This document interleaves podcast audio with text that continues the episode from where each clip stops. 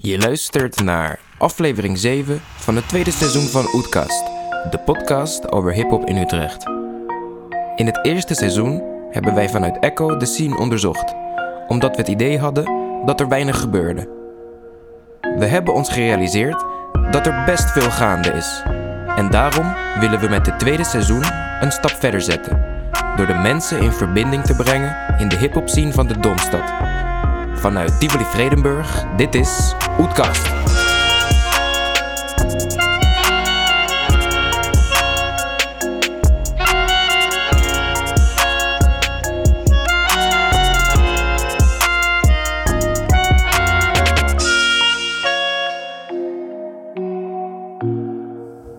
Yes. Yes, nieuwe Zijn we dan? aflevering. Aflevering 7, Podcast.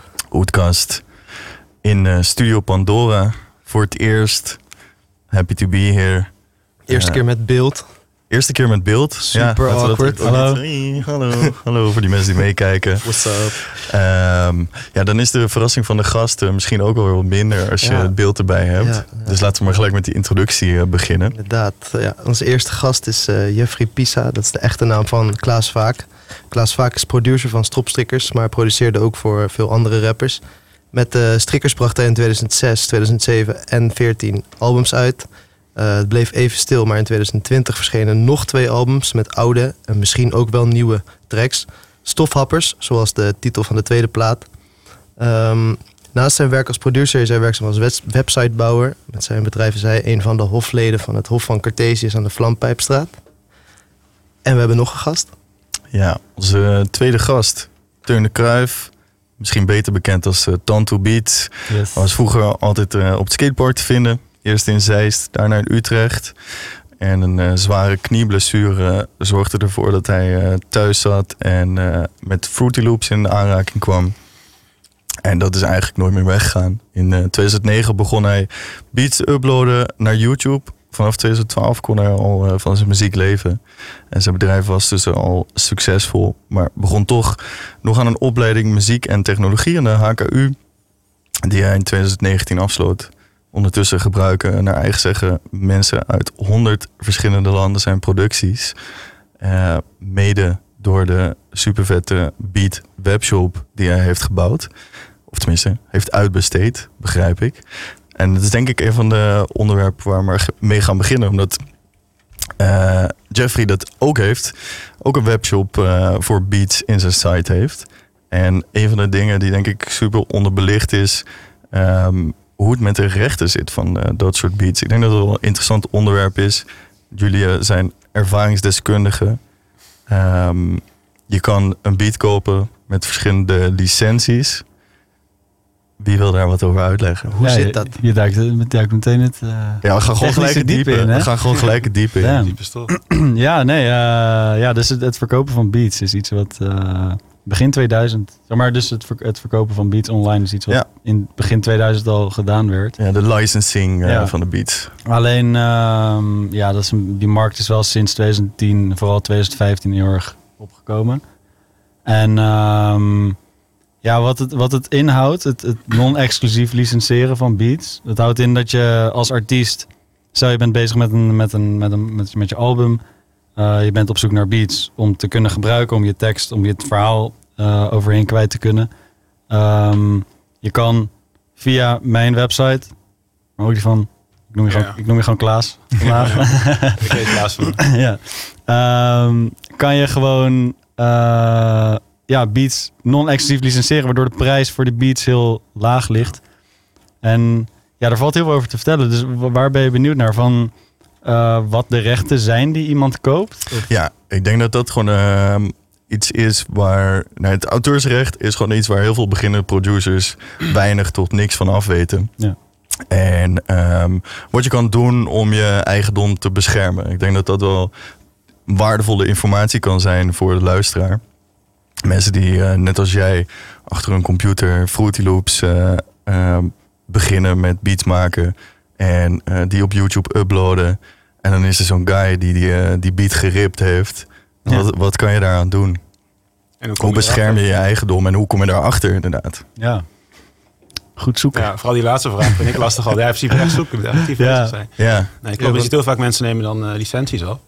Je ziet het niet altijd ergens per se terugkomen. Dus je weet niet precies eh, ja, of ze je vermelden. Dat weet je niet altijd. Ja. Dat is soms wel lastig. Ehm, ja, dat, dat, dat weet Tante misschien weten. Hè, als je de antwoorden erop hebt. Dat, wil ik Ja. graag. Want dat vind ik zelf heel lastig. Want je ziet, ja, er worden best x aantal licenties neem je dan af. ja, Of geef je af. en sommige mensen die nemen contact op. Van eh, ik ga dit, dit mee doen, dat mee doen. Eh, maar hoop ook niet. Dus dat, dat weet je uiteindelijk niet. En het spel met de licenties is inderdaad dat je die publishingrechten... die split je eigenlijk met de rapper. Dus de rapper neemt de helft. eh, en jij neemt de helft als producer. Eh, dus dat wil je eigenlijk wel allemaal vastleggen. En eh BeatStars is dan het platform. Ik vind het heel grappig om te, over te stellen waar uh, Tanto bij is. Want ik ben het gaan doen dankzij eh, jouw Vijsfilmpje. Oh, dat is Oh, nice. Ik wist helemaal niks van, eh, van licenties af eigenlijk. Ja. Oh. Ja. Dus eh, ik dacht dat Vijsfilmpje voor jou. En toen dacht ik, ah, dat is best wel tof eigenlijk. Want het is leuk om met mensen samen te werken. En ook dat mensen je kunnen vinden. Ehm, en eh, wat met een Beatstars, dat werkt gewoon best wel tof. Omdat het al, die licentierechten liggen al helemaal vast. Dus je hebt al gewoon een, een, een eh, noem je dat, een template. Eh, en dan, ja, dan, dan, dat is eigenlijk alles wat je dan in principe nodig hebt. Ja. Dus je, je doet gewoon uploaden. Dan heb je zeg maar wat versies. Dus je hebt een mp3'tje. Daar betaal je dan bijvoorbeeld 30 dollar voor. Dan heb je een wave, betaal je 50. En dan kun je met stems. Dan heb je alle losse sporen dus. En dan hebben ze meer mogelijkheden met mixen. Ehm, en dan betaal je 150. En eh, exclusief kan dan ook. En dan, dan zit je dan daar weer wat boven. Ja, precies. Ja. En eh, exclusieve beats. Dat hoorde ik ook in eh, een van de interviews met jou, eh Tanto, voorbij komen. Dat gebeurt vaker met labels, geloof ik, dan individuen. Ja, kijk, ehm, het zijn vaak de labels die een bepaald soort vorm van alleenrecht over een beat willen hebben. Waarbij je wel ziet dat als zodra artiesten independent zijn, dat ze iets minder snel die urgentie voelen. Ehm, alleen je moet je natuurlijk voorstellen, je kan een beat van mijn website exclusief kopen. Alleen ik heb die beat misschien al 50 keer verkocht daarvoor. Ja. Dus er zijn al 50 mensen, er zijn al 50 liedjes op die beat in de omloop. Dan kan je wel exclusief kopen. Ja. Alleen die 50 liedjes die blijven bestaan. Ja. Kijk, en wat, wat, waarom ze dan toch meer voor willen betalen, is omdat ze toch zeker willen zijn dat, ehm, dat er niet nog meer liedjes worden gemaakt. En ze hebben zulke grote budgetten vaak dat ze zoiets hebben van, nou ja, is goed, eh, dit betalen we ervoor. Ja, sick. En hoe zit het nou als je zo'n eh, beat verkoopt en het wordt echt een mega lijpe hit? Eh, ja. Verdien je mee aan de streams die daarop worden gepakt? Dat is een vraag van Tanto, denk ik. Die heeft wel iets reviews dan ja, ik heb wel wat, wat, eh, er zijn wel wat, eh, best wel wat tracks die Tanto is op die streams. Ja. Ja, er zijn t- tant te veel streams op mijn beats. maar ehm, nou ja, zoals eh, Klaas net ook zei, ehm, je behoudt je auteursrecht. Dus op het moment, en dat, dat gaat ook in op de vraag die je net stelde. eh, op het moment dat jij een beat creëert, stel jij maakt nu een beat hier op je laptop voor ons neus, dan ben jij auteursrecht-eigenaar automatisch. Je hoeft daar niks verder voor te doen, je hoeft niet ergens te registreren, whatever. Jij bent dat is gewoon hoe auteursrecht werkt. Net als dat jij een tekst schrijft, jij bent auteursrechten-eigenaar. Op het moment dat je een beat verkoopt, maak in die licentie staat vernoemd dat de, de beatverkoper 50% van de auteursrechten behoudt. En de rapper of zanger, zangeres, eh, de andere 50% krijgt. Ehm, voor dat specifieke liedje. De beat die non-exclusief wordt verkocht, blijft jouw auteursrechten eigendom. Dus op het moment dat iemand tekst toevoegt aan je beat, eh, dan, dan, wordt die, eh, ja, die, dan worden die auteursrechten gesplit. Bij Buma Stemra, ik weet niet of jullie daar bekend mee zijn, dat is het, het bedrijf in Nederland wat zich inzet voor het innen van die auteursrechten gelden. En fucking veel geld daar ook oppakt. Ja, zeker. Ja, ja. ja ze pakken, ja, ze pakken een marge van 10% op alles, alles wat er binnenkomt. Wow. En dat is veel. Dat is echt heel Dat is veel. echt heel Dat is veel. een Ja. hele goede scheme. Ja, ja, maar het ding is wel, we hebben het wel nodig. Ze Als- komen ook als, op voor... Ja, en Ja. als zij niet zouden bestaan, dan zou... Ja, er zouden dan andere bedrijven moeten zijn die het doen, maar die gaan ook weer een percentage willen. Dus ja. het is, ik noem het wel een beetje, Buma Stemra voelt wel vaak een beetje als de C- CBR van de muziek. Ja. Dus eh, weet je, er zijn geen concurrenten. Er is een soort van, het is een soort van monopolie gegeven door de overheid. Eh, maar het is wel een private eh, business. Maar goed, los daarvan. Op het moment dat je een liedje aanmeldt bij Buma Stemra... zijn je auteursrechten in twee delen gesplit. Namelijk de tekstschrijver en de componist. Componist is in het geval van een rapliedje de beatmaker. De tekstschrijver is de rapper, de Ja. zanger. Op het moment dat ze zelf de tekst hebben geschreven. Of de ghostwriting. Precies. Komt ook voor. Ja. Precies. Eh, ik zat even te denken, ik had daar ook nog een eh, andere vraag over. Oh ja, ehm, je hebt het, uh, Teun, ook vaker in interviews gehad over het belang van een catalogus. Kun je dat nog eens uitleggen? Ja, zeker. Um, het belang van een catalogus, nou kijk, en ik denk dat, dat, dat, dat Klaas daar ook wel over mee kan praten. Zeg maar het, om geld te kunnen verdienen met muziek, heb je heel veel muziek nodig. Um, de kans dat je letterlijk één liedje maakt en dat die viraal gaat en dat je daar je boterham mee kan verdienen, dat is niet zo, die kans is niet zo groot. De kans is groter dat je er misschien 50 euro mee verdient. En misschien maak je er 200. En in die 200 is er misschien eentje waar je 15.000 euro mee verdient. Die 15.000 euro die je met, met één liedje verdient, want het is, blijft een soort van kansspel. Je weet nooit wanneer een liedje echt groot gaat worden. Uh, dan moet je gewoon heel veel loten kopen, heel veel beats maken, heel veel liedjes maken met artiesten, heel veel de studio ingaan, et cetera. Om een, ja, een soort van grotere body of work te maken. Om je kansen te spreiden om een succesvol liedje te hebben. Maar plus ook al die 50 euro's, bij wijze van spreken, die je, die je verdient met die kleine, kleinere releases of liedjes die minder geld opbrengen. Die stapelen wel op. Dus uh, ik, ik zie het een beetje als het, het creëren van aandelen ik noem het, zeg maar, mijn catalogus is, gewoon, is, is in principe gewoon een, een catalogus aan assets. Engels voor aandelen.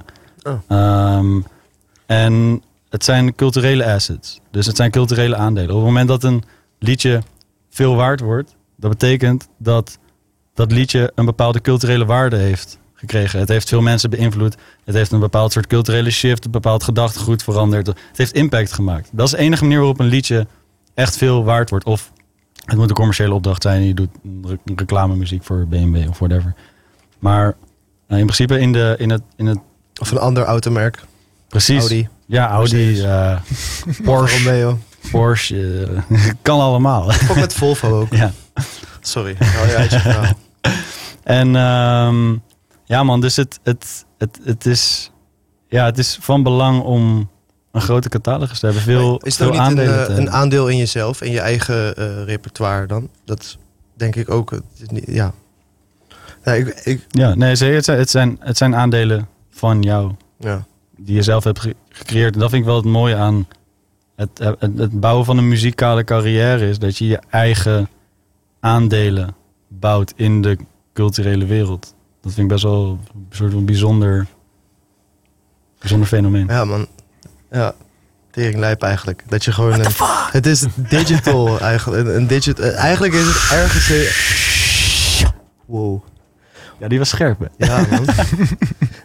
ergens is het een soort NFT. Ja, letterlijk. zijn allemaal Dat is letterlijk wat NFT's doen. Ja.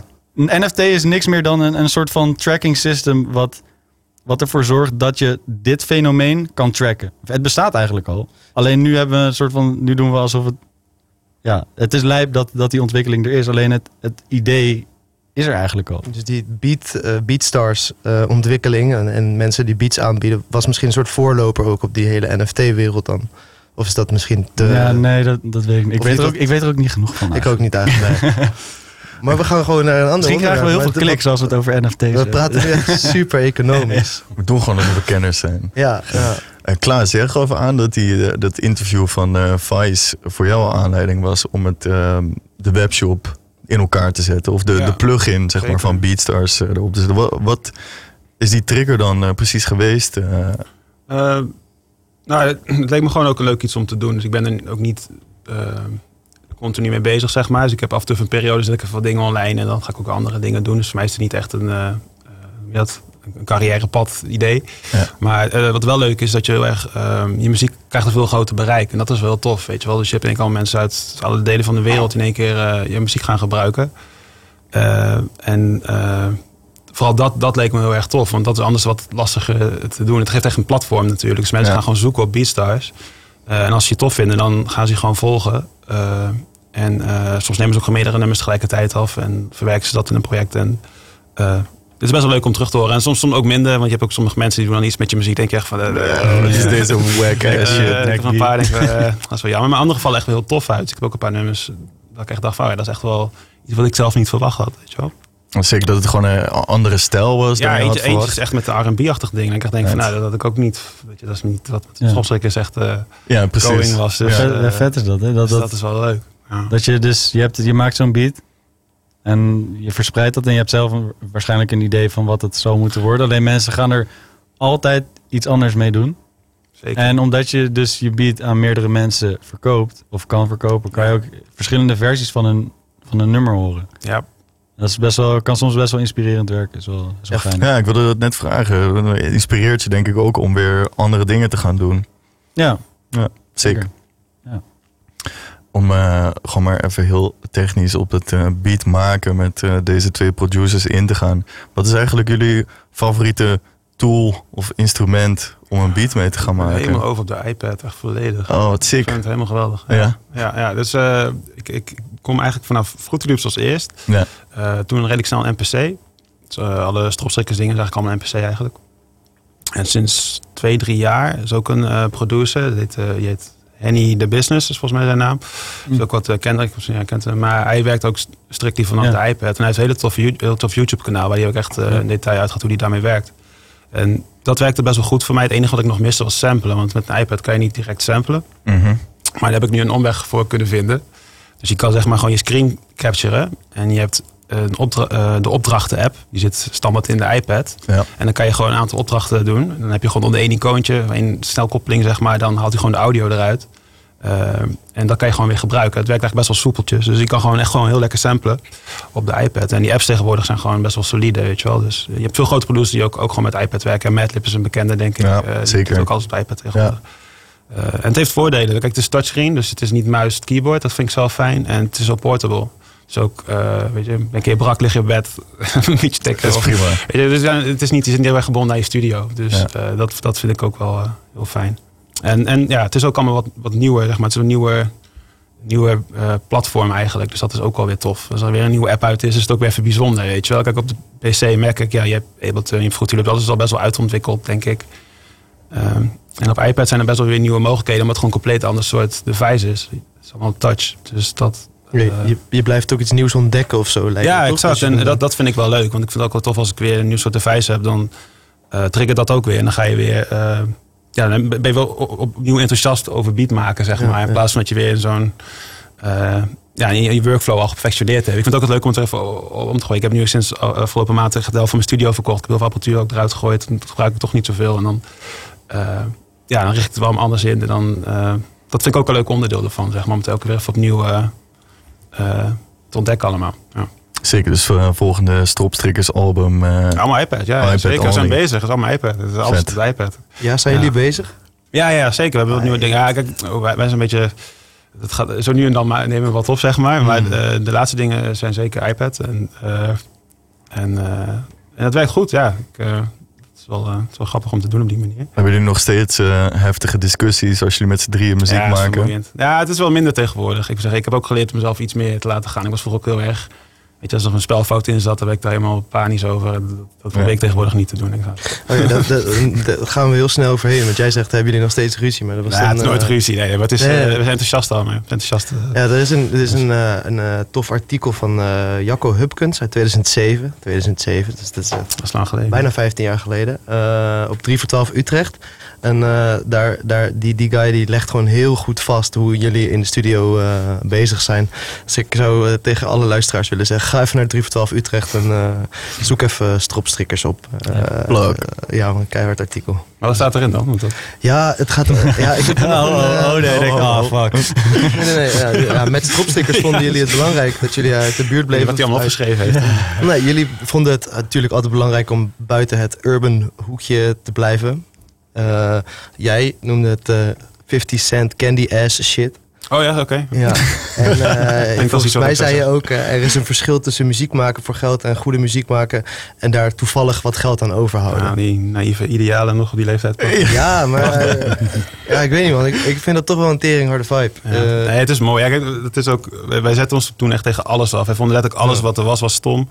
In Nederland in ieder geval. En eh, dat was denk ik wel een groot onderdeel van wat ons allemaal... eh, Was ook toen wel. ja, misschien Ja. wel. Ja, misschien wel. Kijk, of daarna, kijk, daarna zijn veel, veel toffere dingen gekomen. Ik ben ook Ja. veel meer hip-hop gaan luisteren sinds de afgelopen tien jaar. Ik heb echt een periode gehad, vooral 2005 tot, eind, tot 2010 ook had ik zelf ook überhaupt in hip-hop niet heel veel toffe Ja, dingen vond. Zoals 2007. Nu, nu, nu ben ik veel meer weer, eh, ik hoor veel meer dingen waar ik zelf ook echt enthousiast van word. Dus misschien is dat ook wel waar. is toch nog wel de periode dat het vooral om eh, Ali B en Jesser ging. Of misschien Ja. iets Ja. daarvoor wel, maar Ja. goed. Zal er niet heel ver vanaf hebben gezeten. Nou ja, eh, zo moeilijk kwam ook net op. Ja, True. Komt uit Nijmegen. Ja, dat, dat was wel de beweging ook met, met klopt, want eh, dat was toen wij onze muziek maakten kenden we hun allemaal nog niet zeg maar. Dus toen wij eh, gingen optreden, toen kwamen we die acts tegen en toen waren, bleken er wel toffe acts te zijn zeker Ja. hoor, want zo moeilijk. eh ons 7-9 had wat toffe dingen.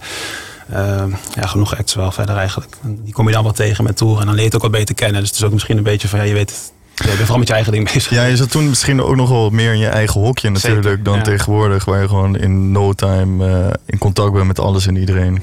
Ja, dat was toen echt gek. We hebben toen ons eerste album hebben we gewoon op een blog gegooid eigenlijk. Ja. Dus niks van een release of niks. Gewoon een mp3, gewoon een folder met mp3's. Ja, op, je, Was ei- het? op een site die jij had gemaakt, toch? Of is dat... eh, Ja, ik had volgens mij een siteje gemaakt en op twee blogs gedropt die je toen had. Ja. Dat had je toen.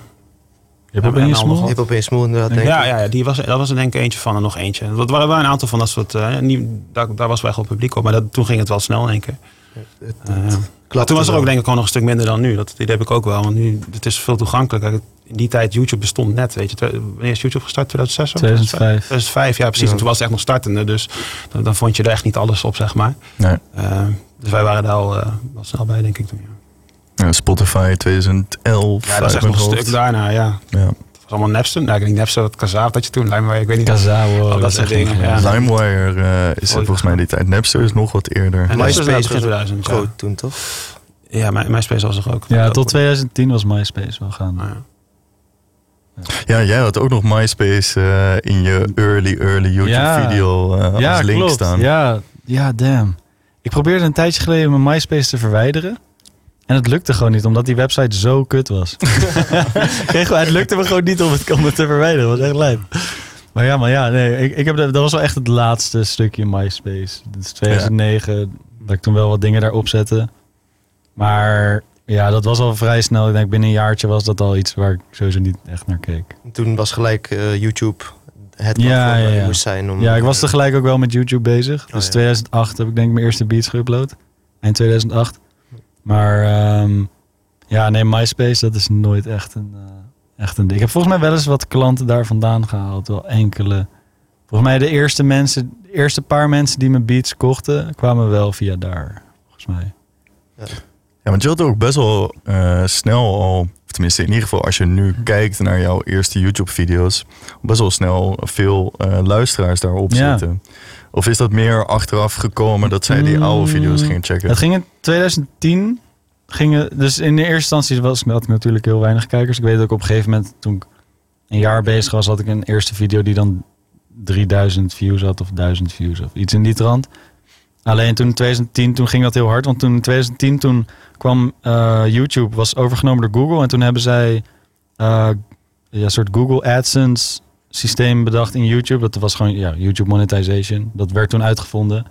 En ik was een van de eerste mensen binnen, I guess, beatmaakwereld. Of in ieder geval Nederland, YouTube, whatever. Die daarvoor was goedgekeurd. Omdat ik, twee, ik had 2000 subscribers toen of zo. En dus toen begon ik geld te verdienen met de advertenties op mijn video's. Maar omdat het nog zo nieuw was, promoten YouTube de video's die gemonetized werden door verified creators. Eh, die promoten ze meer in het algoritme. Dus toen in 2010 kreeg ik best wel een boost qua luisteraars en kijkers. Omdat eh, ik geld kon verdienen met, met mijn video's. En als ik geld verdien met mijn video's, dan verdiende YouTube ook geld. Dus op die manier, om, en omdat dat toen nog zo'n limited feature was, waar je echt aanmelding voor moest doen en kon afgewezen worden, et cetera. Ehm, ja, was dat toen, was je one of the few. En dat gaf toen wel veel kijkers. 2010 al. Weet je, ja. hetzelfde zoals het bijvoorbeeld werkte bij die grote Nederlandse, of die grote, die eerste Nederlandse vloggers die is begonnen te doen. Ja, zeker. Ja, ja. ja, vloggers. Eerst YouTubers zoals Ja. Kelvin en zo. Die Ja. dan, eh, Ja. ah, sick. Ja, want, ehm, nou moet ik even naar mijn voorbereiding, man. Ehm, problem. ja, we hebben, zo, we, hadden- we hebben echt zoveel over jullie kunnen vinden. Dat is gewoon keihard. Ja, en ik denk dat we sowieso allebei al heel veel vragen hadden. Ja, dat we ook. We zijn ook fan van jullie, man. En zo naar jullie. Ehm, zeg maar, in diezelfde video waar we het net over hadden van Vice, daar vertelde je dat je een, eh, een partnership hebt met een bedrijf. En Oh, volgens ja. mij in die video Ja, van Vice wordt superveel Ik krijg er echt tering veel vragen. Oh ja, de hele tijd. Misschien Maar oké, nee, nee, nee, nee, nee, nee, want het is, het is helemaal niet zo ingewikkeld. Hm. Ik heb het iets lijper laten lijken dan dat het... Het klinkt veel lijper dan dat het is, want wat het is... eh, Maar komt dat voort uit die eerdere samenwerking die je dus al in 2010 toen al... ja, het is, het, het, is een, het is een bedrijf wat, voor mij, wat gewoon mijn YouTube monetization collect. Oh, ja. En ze collecten ook third-party content eh, wat geüpload wordt met mijn beats erin. Ja. Dus ik heb gewoon elke, elke keer als ik een beat online gooi, dan komt dat in hun detectiesysteem. Als jij nu een vlog maakt en je zet mijn beat erin, dan krijg je een claim. Eh, en dan gaat de monetization van jouw video naar mij totdat jij die beat hebt gekocht. Alleen dat dit is iets wat iedereen. Dit is niet zo van. Oh. Ik krijg heel veel berichten namelijk. Niet van, revolutionair "Yo, hoe, doe zo." ik dit? Wow, Ah, waar heb je dit gedaan? Dit kan via fucking veel Mm. services. Je moet gewoon, gewoon letterlijk googlen. eh, content ID Oké. sign up of zo. Ja, oké. Er zijn heel veel platforms. En, en, dat en heb je dan zelf een soort van lijst met allemaal video's dat je die zelf ja, ja, dus ja, dat is wel. Die Dus, krijg je wel ja, ja, van dus dat, dat krijg je niet van iedereen, maar van mijn mensen. En daar kom je dan niet zomaar in, maar ehm, daar krijg ik elke maand een overzicht van, van alle video's die op YouTube staan.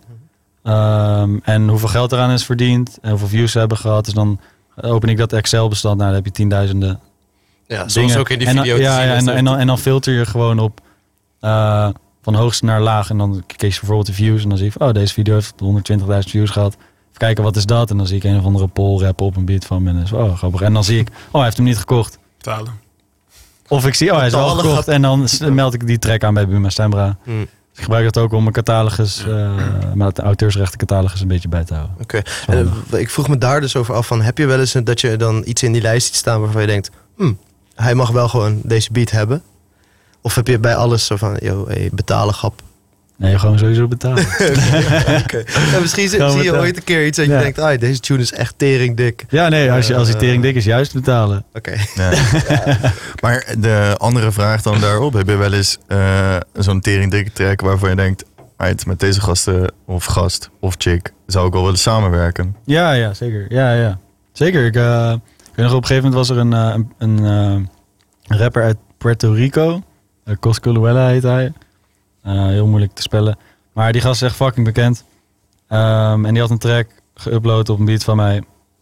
En toen heb ik wel, omdat ik daar toen achteraan ging voor het aanmelden bij Buma Stemra en zo van die track, eh, ben ik in contact met hem gekomen en toen gewoon zijn nummer gekregen en zo. En zat hij me berichten te sturen vanuit zijn privéjet van ja, kan je meer beats sturen en zo. Nooit wat uitgekomen. Maar het, het, het- ja, het, het gebeurt wel. Het Ja. gebeurt wel. Dus het, het, het is wel soms ook een, een vorm van eh, connectie maken, maar vaker niet dan wel. Ja. Want die mensen die vinden je beats ook gewoon op YouTube of Beatstars. Zo. Dus voor hun is het ook een vrij vluchtig proces. Dus zij gaan ook niet die beat kopen met de veronderstelling van... oh, ik ga echt een werkrelatie met deze persoon... waarvan ik nu deze soort van anonieme transactie afneem. Eh, ga ik, daar ga ik niet een hele persoonlijke eh, ding van maken. Maar soms ontstaat dat wel. Kan, kan zeker, ja. Eh, een jaartje terug was je bij eh, eh, 3FM in een eh, podcast gast. Ja. En daar vertelde je ook dat je eh, wat meer heft in eigen hand hebt genomen als het gaat om met wie je samenwerkt.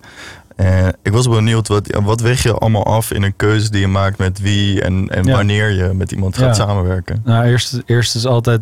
Ja, dus- oké, dus dat komt voort uit een bepaald soort luxe positie die ik heb in mijn carrière, waarbij ik niet afhankelijk ben van.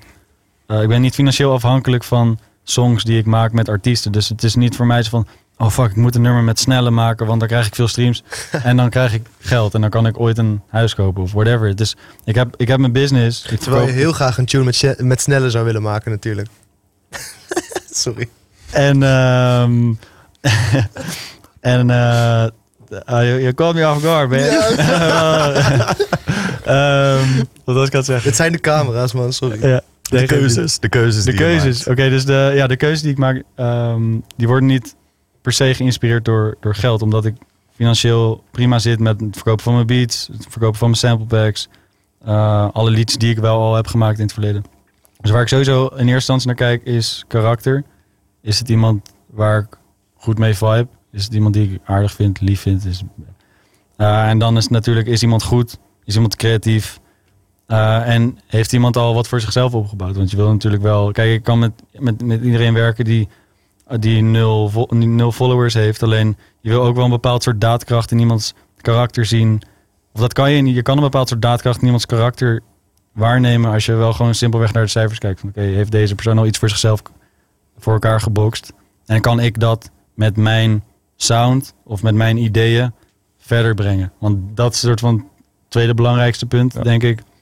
Als ik niet het idee heb dat ik diegene echt verder kan brengen, dan hoeft dat van mij niet. Maar toen ik in 2018, ik weet niet of jullie Merel kennen. Zeker die, weten. eh, roodharige Oh, je bek Eh, bef, man. ja, dus ik ontdekte haar toen zij de tweede single of zo had uitgebracht. En dat ging al, dat ging al redelijk hard. Dat was dan lekker met de meiden, zo heet dat liedje. Ja, ja. En ik hoorde dat. Ik dacht, oh, dat is vet. En ze DM'de me toevallig. Alleen dacht ik van, oh kijk, hier heb ik echt iets te bieden. Want ik voel dat die sound kan professioneler, het kan misschien wat toffer. eh, misschien iets andere invalshoek, waardoor je ja, je audience nog eh, leuker kan aanspreken en zo. En toen ben ik daar, dan, dan ga ik er daar in één keer echt voor. En dan wil ik dat, dan wil ik ook een soort van die collaboration manifesteren. Ehm, maar dat, ja, dus ik moet wel echt dat gevoel hebben van meerwaarde. Ja, vet man. Ben altijd wel eh, op zoek naar die samenwerking. Dat, dat is wel iets wat steeds terugkomt in volgens mij alle interviews die je doet. Ja. Ehm, En tof. ik- ja, en als ik eenmaal iemand heb, weet je, dan ben ik ook gewoon wel heel trouw of zo. Dan, Ja. Ik vind het niet erg om gewoon twee jaar lang met iemand te bouwen of zo. Het is voor mij niet zo van, oké, we doen twee sessies, we maken een liedje later. Dat, ik ben niet van de one night studio stands. Dus je bent nu nog steeds ook met Merel wel eh, bezig? Of, nee, nee, nee, nu en niet. Nee, nee, ik ben nu, ik eh, ben nu, ik ben nu dus al, Nee, je zit al niet meer in Drie Nederland, jaar. eh. ik ben nu drie jaar al met, met drie jaar? Twee jaar. Met Oh, met Joost, nee, drie jaar, ja, met Joost. Dat is, dat is in principe mijn main project nu qua artiesten. Oeh, Daar ben ik wel benieuwd naar, man. Eh, naar de next... eh, Ja, ik heb, ik, kom, ik heb vanmiddag nog de hele middag gerepeteerd eh, in de Q Factory voor, om, eh, voor de volgende show. Sick. Dat is wel leuk.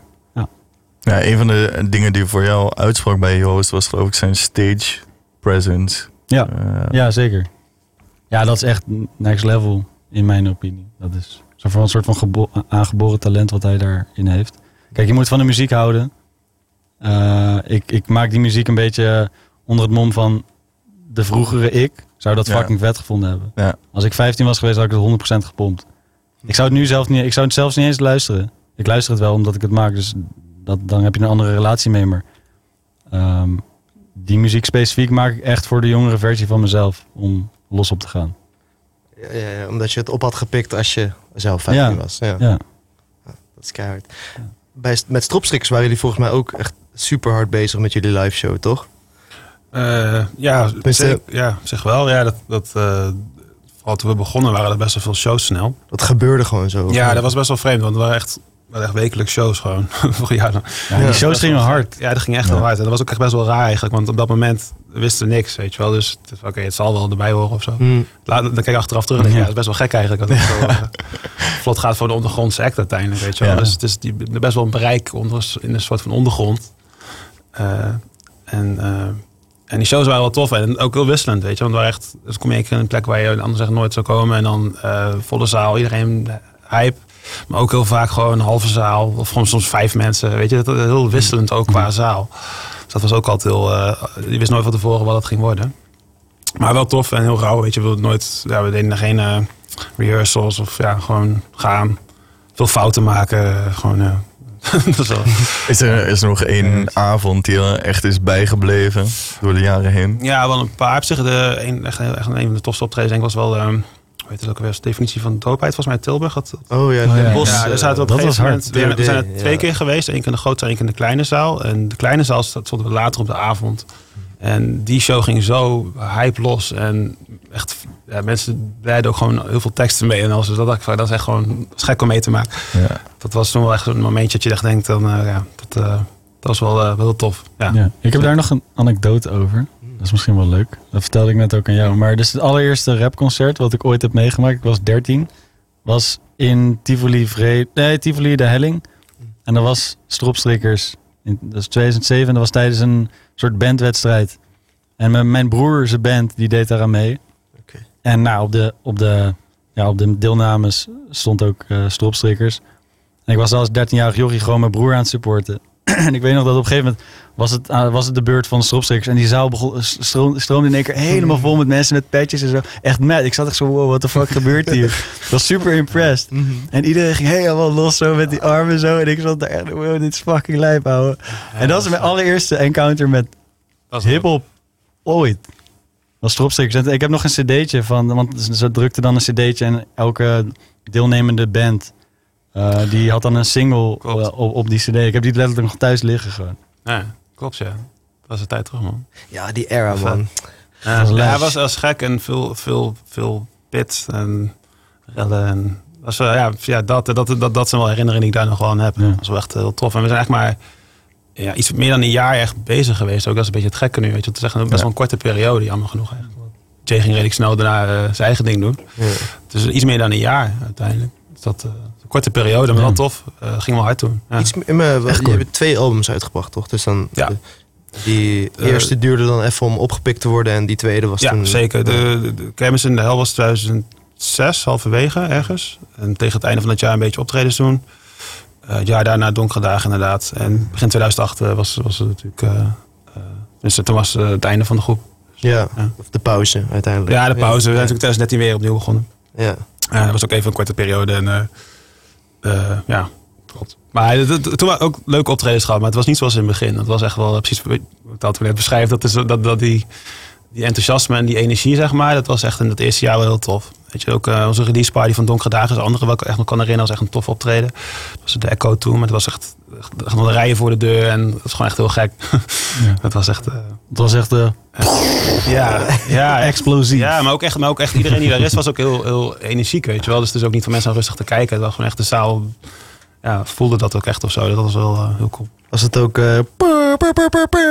Het, was, het was wel een beetje... Ah, ja, ja, ja. Shit, ja, okay. ja, die moeten we hier op die soundboard hebben, man. Ja, ja die airhorn. Ja. Dat, is, uh, dat maakt het echt hip-hop. Zeker. Uh, is dat hip-hop? Is dat niet meer. Dat komt het niet meer uit? Een beetje gewoon, ja, komt het niet meer van de kermis? oh, shit. Oh, misschien wel. Misschien wel. We kunnen ook een, is de kermis hip-hop? een review doen van de, de kermis-serie op NPO 3. Nee, laten we dat voor een andere keer De houden. kermis is super hip-hop. Wat, wat, uh, wat vond je dan zo sick buiten die armpjes aan je eerste.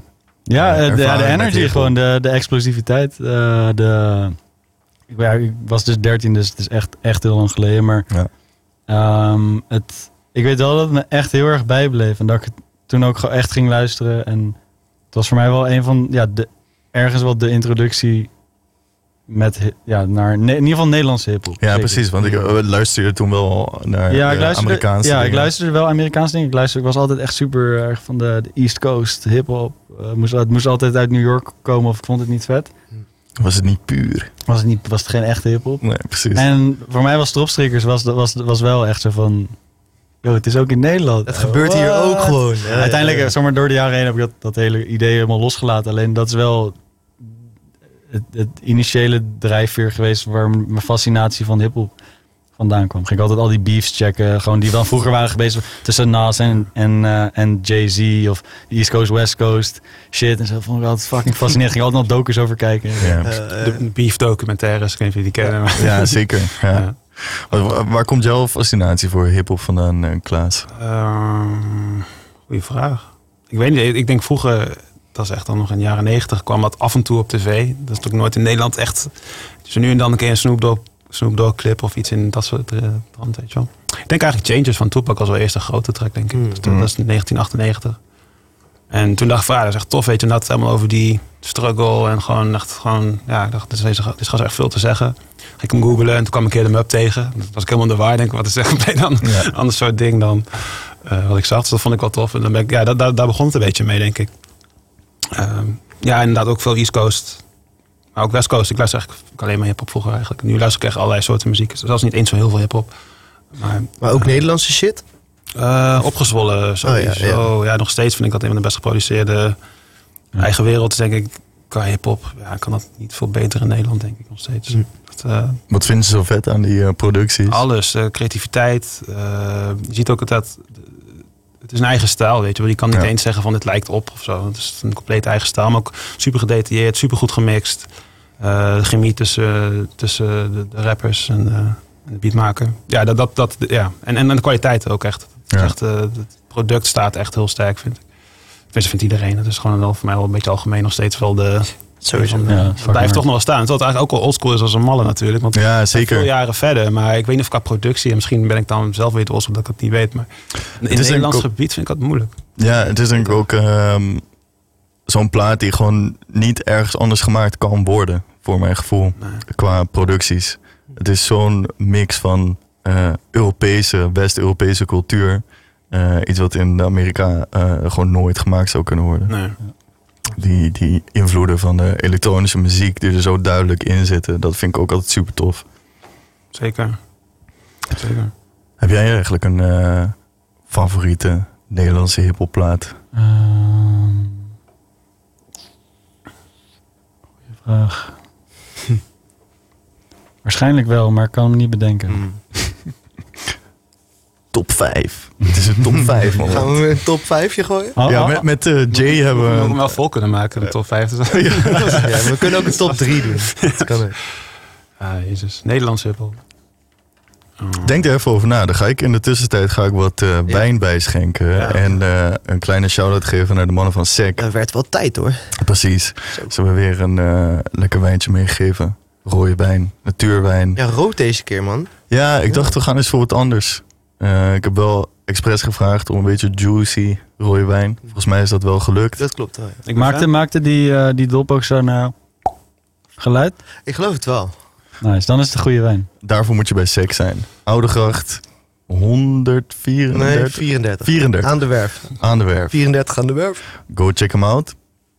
Er zijn eh, allerlei leuke dingen gaande. Ze zijn allemaal dingetjes aan het organiseren.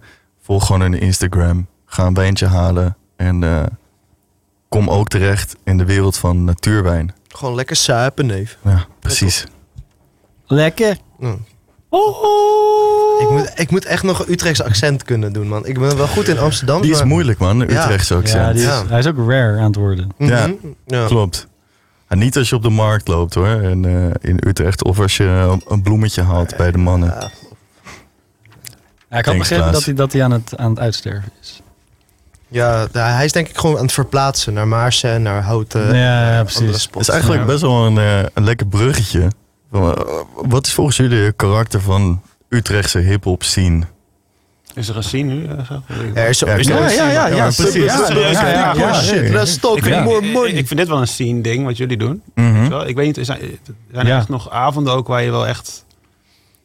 Oh nee. Had je volgens mij eh, het, ruimtijd, dat soort dingen. Weet je, Ja. Er waren van die avonden waar mensen wel echt... Mhm. Waar je elkaar ook een beetje tegenkwam. Ja. Ja, ik denk Is dat dat nog steeds... Moet een van de dingen is die de afgelopen, nou, wat is het, Eh, anderhalf jaar, twee jaar heel erg terug is gekomen, is dat er heel veel mensen op zichzelf bezig waren. En vooral eigenlijk heel veel mensen het gevoel hadden van, joh, eh, er gebeurt echt helemaal niks in deze stad. Eh, we moeten het gewoon zelf gaan doen. Dat is altijd zo. Ja, en ehm, ik heb zelf het idee, weet je, Co en ik zijn eh, import Utrechters, om het zo maar even te noemen. Dat, eh, dat eigenlijk altijd een soort van in, in pieken en dalen is geweest hier in de stad. Dat je niet soort van een ground level hebt waar ik het gevoel heb dat het in Rotterdam en Amsterdam veel Ja. meer is. Ja. Ehm, en dan is het natuurlijk ook makkelijk als je in Utrecht bent om dan maar gewoon naar eh, Rotterdam of Amsterdam te gaan. Ehm, maar er zijn zeker een heleboel mensen bezig om weer echt iets op te bouwen. En het vooral eh, veel ja, laagdrempeliger te maken voor beginnende artiesten om ook ergens op te kunnen treden en hun, hun craft te eh, perfectioneren, om het zo maar eventjes te noemen. Ja, ja ook dat soort... eh, wij deden toen mee met Clash of the Titans. De Mhm. bandwedstrijd. Dat heeft ons al best wel toen ook wat eh, aandacht gegeven. Dus ook Ja. dat soort dingen helpen wel. Maar dus, ja, toen had je ook echt niks voor hip-hop. Dus daarmee deden we mee aan een rockband. Ja. Waar we gewoon tussen alle rockers eh, onze shows deden. En ook gewoon die de winst pakte, toch? Ja, dat ook, ja. Gewoon een Ja. soort van, ja. Eh, waarschijnlijk, ik, ik heb het idee dat, dat, eh, dat er ook een soort vibe was van, eh yo, eh, er is niks aan hip-hop, laten we dan maar meedoen aan die rockwedstrijd. En dat je hem dan ook pakt, weet je wel? Dat je dan Ja, ook die maar- winst gewoon. Dat had ik ook wel leuk zijn als dat wat meer... Als dat nu niet is, is dat best wel jammer eigenlijk. Want als je online kijkt, voor mij zijn er best wel veel mensen in, eh, in Utrecht gewoon bezig. Met, ja, er zijn best wel veel. Ja, de laatste. best Ik heb, ja, ik heb Utrecht. wel dingen langskomen. Ja. Joost laat me best wel vaak dingen horen. Hij, hij luistert echt, echt wel van die underground niche, Mhm. trap eh, dingen en zo. Dingen die ik zelf minder snel... Flans en zo is hij ook heel erg in. Ja, ja, zeker. Ja, ja. En, Shout-out Flans, man. ja sowieso. Zou naar Frans. Maar het- dus er, er zijn echt wel... De laatste twee jaar zijn er echt wel veel jongens in Utrecht die eindelijk... Ook jongens die echt al lang bezig zijn. Waarvan die, die, die dus nu eindelijk een soort van een shine pakken.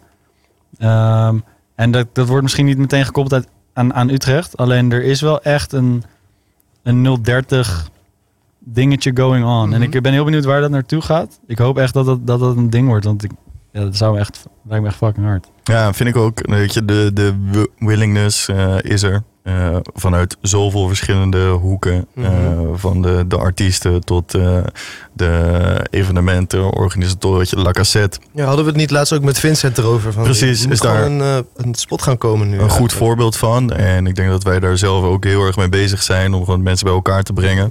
Ehm, en eh, kijken hoe we dat naar een hoger platform met elkaar kunnen brengen. En eh, ik denk dat eh, Tivoli Vredenburg ehm, daar een paar jaar eh, op heeft geslapen. Maar dat ze eh, nu ook wel echt concrete stappen aan het nemen zijn. Om, Ze zijn weer wakker. Ja, ze zijn wakker geworden. Ja. Weet je, ze hebben eh, ook specifiek iemand aangenomen van de zomer die zich daar heel erg op richt. Ehm, ze, zijn met, eh, ze hebben ons de kans gegeven om hier die podcast te gaan maken. Ook met het idee van, joh, jullie verbinden mensen. Jullie geven een shine aan de gasten die nog niet zoveel ehm, ja, in de media zijn geweest. Om het zomaar even heel simpel te zeggen. Ja, een tijdje terug natuurlijk die eerste Oetkast radio uitzending gehad. Ja, Eh, vorige week, nee, twee weken terug. eh, die tweede uitzending van Oetkast radio. Dus in de gaten houden, man. Nice. ja precies. Dus, eh, it's Ja. coming. Maar met, oh, nog heel even terug op, dat, op dat vorige onderwerp. Ik denk dat het ook wat het ook lastiger maakt, is natuurlijk omdat hip-hop zo breed is geworden. Ja. Weet je wel, wat is hip-hop? Wat is Ja. pop? Wat is. Ja. Weet je wel, mensen die naar trap, check, eh, trap tracks luisteren, luisteren niet naar boom bap dingen. Nee. Andersom ook niet echt. En binnen trap heb je ook weer fucking veel afsplitsingen van, hele, van mensen die zich echt heel erg trouw zijn aan een bepaalde niche. En alleen maar daarin bewegen, alleen maar dat luisteren. Dus het is gewoon zo scattered dat het ook wel moeilijk is om te definiëren van oké, nou dit is dan de hip-hop scene of zo. Zeker als je kijkt naar oké, alle artiesten die rap-achtig hun stem gebruiken op een elektronische beat. Dat is dan allemaal hip-hop. Maar ja, Het zijn eilandjes eigenlijk. het zijn allemaal eilandjes. Ja. Ja, maar één evenement zou dat wel tof samen kunnen brengen. In de zin van, dan denk dat je dit tof vindt. Maar dan word je toch weer, ook als, als boombap, ik, ik vind ook bepaalde trap dingen nu ook toffer dan ik dat vroeger vond bijvoorbeeld. Ja. Weet je wel. Dus soms als je ergens mee ah, ja, dan wordt dan, eh, dan kan je dat ook tof gaan vinden. Maar je moet het wel, ja, in je cirkel krijgen. Nee, nee, goed optreden kan ook echt Zeker, zeg maar, zoveel openen over je, je ideeën over een bepaalde sound of eh, een bepaalde Ja. artiest. Ja. Eh, zo hadden we ehm, vorige maand was eh, Kevin hier in Tivoli. Eh, ik ben, ja, op het begin was ik wel eh, fan van Kevin. Toen wat minder, omdat het allemaal net iets meer poppy werd. En toen met dat optreden was ik echt blown away. Mhm. Het was zo fucking goed. Hij is sick. Ja, die goed. gast is echt Ja. zo goed geworden. Die heeft echt een, de, ja, het artiestenschap eh, embraced. En die heeft zo'n goede eh Ja. live set eh, in elkaar gezet. En ik denk dat dat ook echt een, een voorbeeld kan zijn voor heel veel jonge gasten in hip-hop. Weet je, jij, eh, Teun, had het net over repeteren. Gebeurt gewoon veel te weinig.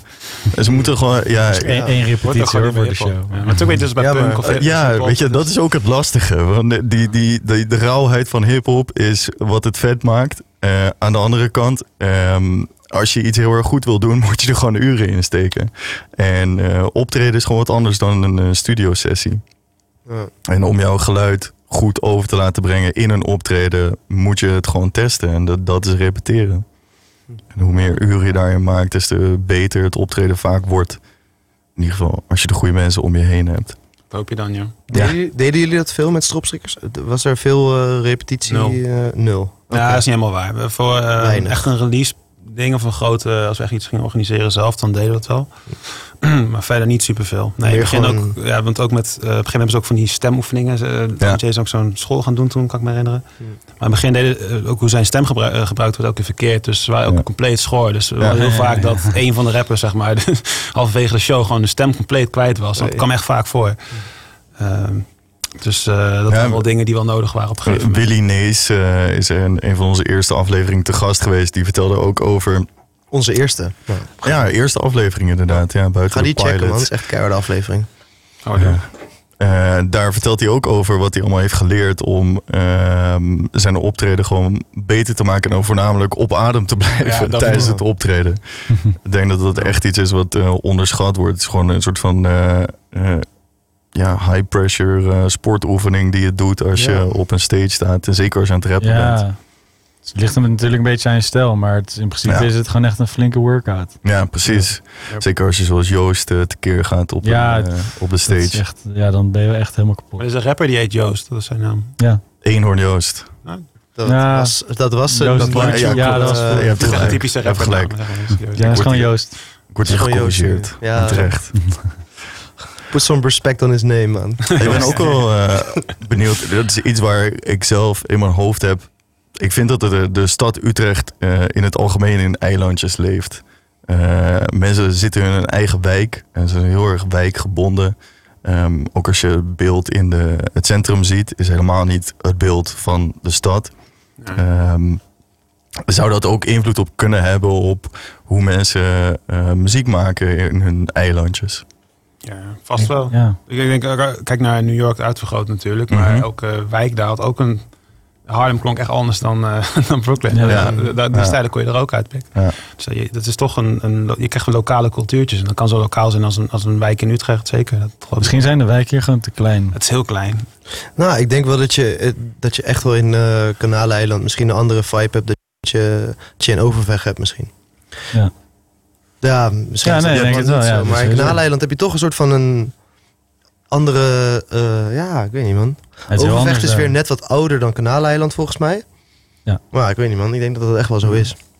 Nee, maar ongetwijfeld dat er ook andere muziek uit zou komen. Ja. Alleen het, omdat natuurlijk iedereen nu eh ja, influenced wordt door de hele wereld. Door, gewoon so- door social media en zo. Iedereen krijgt input vanuit alle hoeken. Iedereen belandt in zijn Ja, eigen bubbel, ook online. Ook in Dat- New York zie je dat nu trouwens, dat dat niet meer... eh, die, wijken, nee. die hebben ook die sound niet meer. Dus dat klopt Nee. wel, dat was, dat was altijd zo. Maar tegenwoordig is het on- online is het speelveld. Dus die, eh, die, lo- die cultuurgebonden lokale dingen, dat, dat vervaagt. Het is Ja. inderdaad, eh, mensen vinden een platform inderdaad online. Dus Ja. dat, is, eh, dat is inderdaad anders. Ik vind wel dat Utrechtse acts vaak eigenzinnig zijn. Eh, Mhm. Utrechtse ja, dat rappers. Zeker. Ja, dat sowieso. Steen is in Utrecht ook. Dus Heel eigenwijs ook. Super eigenwijs. dat is Dat eigenwijs. is wel echt iets wat altijd terugkomt. Ja, heel erg. Ja, big Ook- boy ook- shit Ook is bij die echt- jonge, echt, Ja. echt Anders. hele jonge gastjes. Eh, Big Boy Shit inderdaad. Berky, eh, Bobby. eh, ook de gast geweest in onze podcast. Eh zijn echt gasten die iets...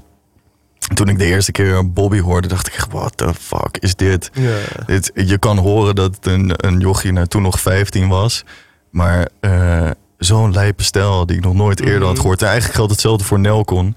Ook. Ehm, ook zo iemand die een, een stijl heeft die ik nog nooit eerder had gehoord. Een flow heeft die ik nog nooit eerder had gehoord. Ja. En dat vind ik super tof aan, eh, aan Utrecht. Dat je, en Stropstrikkers is daar ook gewoon een voorbeeld van. Jullie waren ook eh, mega eigenwijs. Ja, in, Ja. Die, in die tijd was dat ook Dat denk ik wel wel. anders. Ja, maar dat, dat, is, dat, is ook, dat is ook de leukste manier om het te doen. Want het is natuurlijk als je muziek gaat maken, dan het is je eigen, het is je eigen wereld. het is je eigen ding. En dat, dat is juist leuk om daar eigenwijs in te zijn. Ik bedoel, ja, je hebt genoeg actie dan gaan nadoen wat iemand anders doet. Maar als je een eigen ding hebt, is dat eh voor jezelf ook leuker. Ja. Ja, dat is een goed iets. Hoe klinkt een 808? Ja, zoiets. Dat is best een eh, goede impressie van een 808. Ja, toch? Ja. Thanks. Kijk. Gaan we nog even, Ik wil even het hoekje induiken van de Discord, man. De Oh ja, Discord. sick. Ah, de Ja. Discord, dat vind ik echt een interessant ding. Want jij hebt dus, eh, Teun, Ja. Je hebt een eigen Discord-server. Ja. waarin je ook een soort van aan tips geeft aan eh, mensen die dingen insturen. Ehm, Ja, nou, of, of dat zeg maar, ja, dat heb ik, vorig jaar heb ik, eh, ik zat al een tijdje in mijn hoofd met, van, oké, ik wil iets meer Dus ik, ik vind het leuk om producten te maken, beats, songs, et cetera, met en voor artiesten. Alleen ik vind het eigenlijk ook heel leuk om dingen te doen voor andere producers. Dus ehm, producten te creëren voor andere producers. Want ik heb gemerkt dat, dat producers zijn als klant en als, als partner, als, als, als samenwerkingspartner, zijn best wel vaak ja, mensen met, waar ik het ook heel goed mee kan vinden. Uh, ja, bepaald altijd een soort van technische achtergrond en zo. Dat zijn, ik vind het vaak hele fijne mensen. Nerds. Ja. Mhm. En, en uh, ik dacht van, nou oké, okay, uiteindelijk uh, 2019 eerste sample pack uitgebracht en zo. Dat ging echt super hard. Fucking nice. En dacht ik van, oké, wat nou als ik een tweede bedrijf begin, wat, uh, wat zich niet specialiseert op het verkopen van beats, wat ik met Tanto Beats doe, maar wat gespecialiseerd in het verkopen van sample packs en het op een bepaalde manier empoweren van de producer community. En dan in principe over de hele wereld, alleen in Nederland specifiek ook wel gericht. Uh, toen heb ik uiteindelijk bedacht van oké, dat moet Wave Garden heten. Uh, eh, WAV Garden, mm -hmm. WAV files. Um, en um, onder die naam ben ik eerst een Discord begonnen. Waar ik gewoon mensen heb uitgenodigd van, joh, kom. Weet je, Discord is bijna een soort van forum. Waar, ja. waar je gewoon live kan chatten en shit. Ja. Dus mensen kwamen daar naartoe om met elkaar te praten, et cetera. Dan heb ik daar beat battles gaan organiseren. Dus uh, zei ik bijvoorbeeld van, joh jongens, uh, volgende week vrijdag ga ik live streamen. Um, hier is een sample. Uh, doe je best, stuur je inzending in dit kanaal in Discord. Dan ga ik ze allemaal checken vrijdag. En de winnaar krijgt gratis sample pack, krijgt 50 dollar. whatever, weet je wel. Een beetje op die manier mensen uitdagen. Creatief uitdagen. En nou, daaromheen heb ik, ik heb, ik heb een goede maat van me, heb ik, uh, heb ik er uh, in het bedrijf genomen, zo te zeggen. En uh, samen met hem een website gemaakt, um, de hele business uitgedacht. Met twee maanden geleden wel een soort van hoogtepunt waar we een beat battle hebben georganiseerd voor Lees, de chips, het chipsmerk. Mm -hmm. die, hadden me, die hadden me benaderd voor wat social media content en zo. Nou, ik zei van, nou, dat vind ik allemaal niet zo niet zo hard. Ik hoef geen selfie met een zak chips te plaatsen. Fuck dat. Maar ik kan wel iets anders vets voor jullie doen. Ik kan sample packs maken met zak chips. Um, die geef ik weg als gratis download. En ik organiseer een beat battle. Uh, met, waarbij mensen verplicht worden om die samples te gebruiken. Uh, dus dat heb ik in september georganiseerd. Met begin oktober was de soort van de finale. Was super leuk. Niet crazy, je, dat was 80 inzendingen of zo. Alsnog wel heel leuk. Zeker voor binnen Nederland en België toch nog best wel best wel wat, want het moest wel gericht worden op die, uh, op die doelgroep binnen de, die landen. Benelux. Ja. ja. En um, dus ja, ik, ik, ik, ik, ik zit nu op een punt waarin ik dat die brand kan inzetten uh, om, uh, ja, om, om challenges te organiseren, creatieve uitdagingen, sample packs te verkopen. Um, ja, en wie weet, what's next? Ik ben nu bezig met, met blogposts daarop, de, waar ik producer tips geef. Als mensen het willen checken, het is gewoon WAV Wave.garden, dat is de website, wave.garden. Oké. Okay. Um, en um, dan ga je direct naar jouw Discord. Of is nee, nee, de, je kan ook op de Discord komen via de. Ah, nee, dus de Discord is meer een soort van gathering place, een soort van sociale interactieplek waar mensen die dat concept vet vinden en producer zijn, uh, waar die samenkomen en elkaar feedback geven op muziek en zo.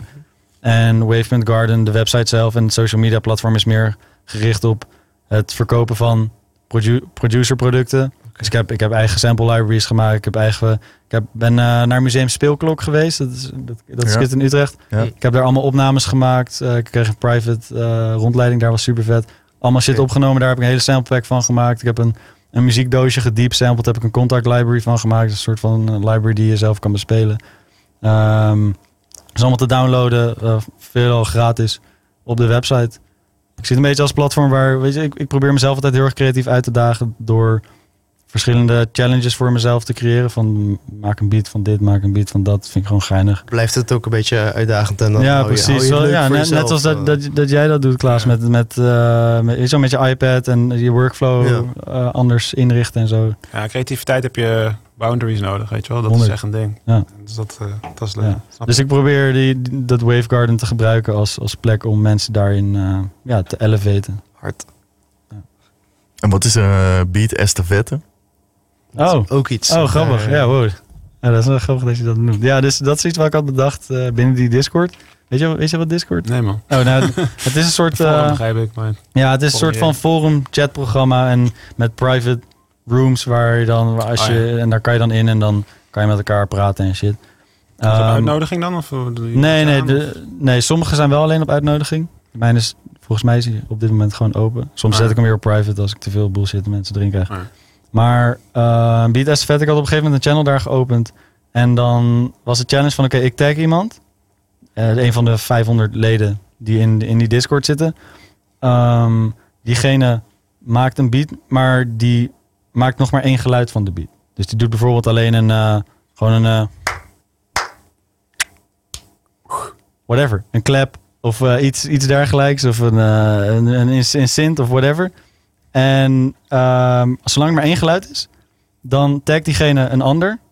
Die voegt één geluid toe. Diegene tagt weer een ander, die voegt weer één geluid toe. Dan heb je op een gegeven moment tien deelnemers, heb je een beat van tien Mhm. lagen. Die een soort van super collaboration is tussen iedereen die daarin getagd is. En als je denkt van, oh, ik denk dat deze persoon wel iets vets kan toevoegen aan deze beat, dan tag ik, tag ik die persoon, weet je wel. En er zijn echt een paar fucking vette, fucking sicke beats uitgekomen. Gewoon echt gewoon high level shit. Gewoon super sick.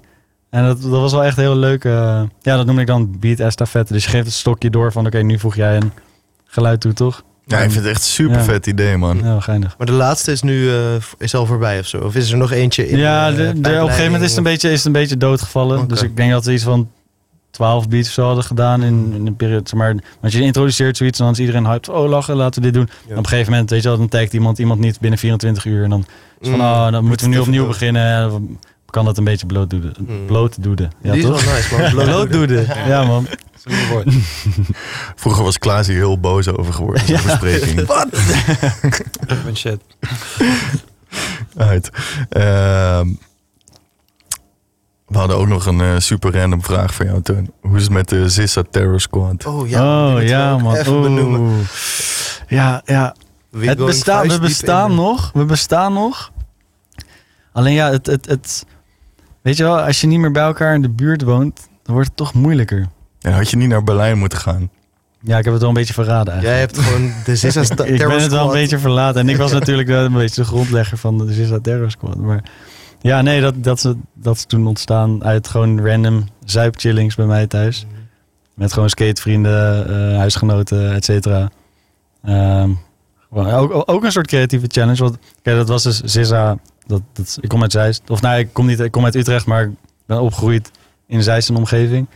Alleen, eh, dan gingen we, toen ik in Utrecht woonde, gingen we drinken met vrienden. Ging gewoon drinken met vrienden eh, die ik uit Zeist ken. En dan zette ik hun gewoon achter een microfoon. En dan liet ik ze gewoon rappen of geluid maken of whatever. En dan ging ik daar een beat van maken, een liedje van maken. Ook wel een soort creative challenge, alleen dan was ik lam. en ja, dat, en dat, ja, dat, ja, ja, dat is eh, heel underground. Misschien moeten mensen het gewoon opzoeken op Dus zoek het vooral niet op. Oh, niet? Ja, nee. Te underground om op te zoeken. hoe, heet het op, hoe heet het op Soundcloud? Ja, gewoon Zissa niet. Terror Squad, toch? Ja, misschien. Oh ja, mensen moeten goed zoeken. mensen moeten goed Het zoeken. is wel echt waar. Ik, ik, ik heb wel het idee over tien jaar misschien een van die nummers gewoon heel erg opblaast of zo. Zo, dat zou hard zijn. dan. Als je mij wil horen rappen, dan moet je daar even. Nou ja, deze aflevering komt eh, iets later online, dus je kan nog de naam Oh, veranderen. Piep. En, eh, je kan het toch... eh, Kunnen jullie het niet uitpiepen? ja, kan ook. Heb jij ook lamme studio sessies gehad met, met Jay en Scoff? Eh, lam. Ja, veel wel mee. Kijk, in het begin was dat wel, wel daarna pas drinken, zeg maar. Dus Ja. de studio waren we vaak best wel eh, gewoon werken, zeg maar. Dus het was niet het idee om dan te gaan zitten drinken. Want dan ja, ben je niet productief. Dus Nee. dat schiet niet op. Eh, ja, nu latere sessies is dat wel meer, zeg maar. Dus dat is al nu wat meer samengegaan. Maar eh, nee, meer helder juist eigenlijk.